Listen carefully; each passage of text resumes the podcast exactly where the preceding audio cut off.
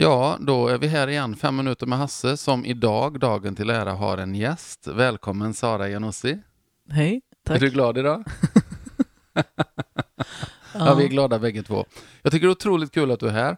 Eh, du har ju en föreläsning som jag har fått följa på lite närmare håll under ett tag, som heter Vägen vidare. Eh, du hade din premiär på den här om veckan. Eh, jag tyckte det var fantastiskt bra. Eh, just att eh, det är verkligen din väg vidare. Eh, I korta drag, det börjar när du var 14 år. Då Ja. träffade du en kille, Ja, som förändrade mitt liv till det dåliga. det dåliga. Ja. ja, det var en grym resa där. Vi ska inte dra alla detaljer, det ska vara lite spännande att gå på din föreläsning. Eh, det, det jag har funderat mycket på det är att du hade väldigt mycket konkreta idéer om eh, Mm. hur man kan hjälpa andra som är i samma situation. Eh, exempelvis om jag har en kompis som jag misstänker lever i ett destruktivt förhållande, vad ska man säga till den personen då? Liksom? För det är ingen idé att säga att han är dum i huvudet, lämna han. För hon är ju förmodligen kär och tycker att han har alla rätt och det är hennes Mm. fel. Och, men vad ska man säga? Alltså det viktiga i sådana situationer är att eh, inte eh, smutskasta personen som eh, behandlar någon dåligt. Just det, För det för dem längre bort Just. ifrån dig. just det. De för den närmare, den Ja, destruktiva närmare, personen. Ja. Precis. Ja. Ehm, nej men det gäller att, alltså när jag har fått, jag har ju fått några, många kvinnor som har skrivit till mig och hört av sig. Mm. Ehm, och då brukar jag fråga, vem var du innan Okej, personen i fråga, just det. Vem var du innan du träffade honom? ja honom Ja, eller henne. Det kan, Mm. Det ja. kan vara både och, ja precis. ja. Och det, det får dem att börja tänka då. Mm, Då börjar de jämföra själva lite så. Ja, Mm. och sen eh, så frågar jag också, hur har du förändrats? Just det. För du, du, du var ju väldigt tydlig i din föreläsning här, vägen vidare, hur, hur du förändrades. Du hade liksom en, en timeline framme på scenen där du var 14 år och så rörde du dig åt ena hållet så blev du äldre. Och undan för undan så försvann saker i ditt liv. Att du hade ett par hörlurar, var väldigt starkt Mm. när du tog fram dem och din musik, då tog han bort det och sa du får inte lyssna på det. Och, och det var gradvis så liksom. Och det är säkert lättare för oss utifrån att se det då kanske. Så. Men det var också musiken som förde dig tillbaka, kommer jag ihåg. För du, du flyttade ut med tidslinjen när du berättade om det här. Och så plockade du upp lurarna igen. Vad var det som hände då?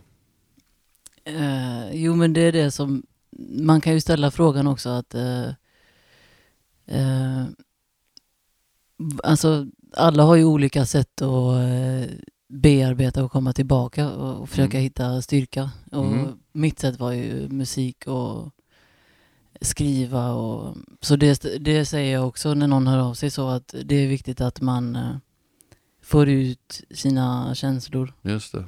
på ja, sitt sätt. Det, det är ju, dina texter är ju otroligt starka och väldigt avskalade och nakna på ett, på ett eh, fantastiskt sätt, tycker jag. Då. Eh, Du har ju också... Jag tycker, jag tycker det är så härligt att gå på en föreläsning som inte har svar på allt, men som verkligen var din väg vidare.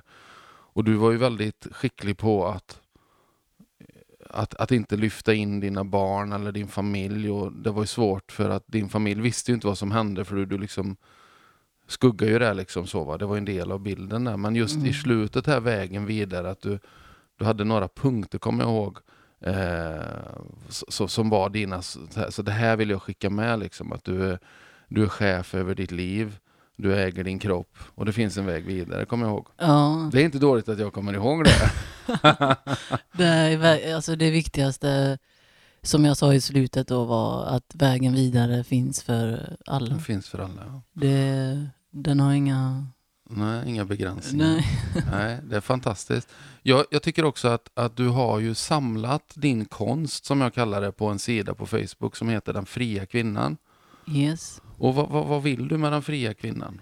Vad, vad vill du säga där? För du, har- du har samlat texter, Mm. du har dina bilder, ditt modellande Mm. och så har du tankar från din föreläsning. Ja, och sen är det också frågor i samhället som jag eh, tar upp som, som kommer upp i mitt liv.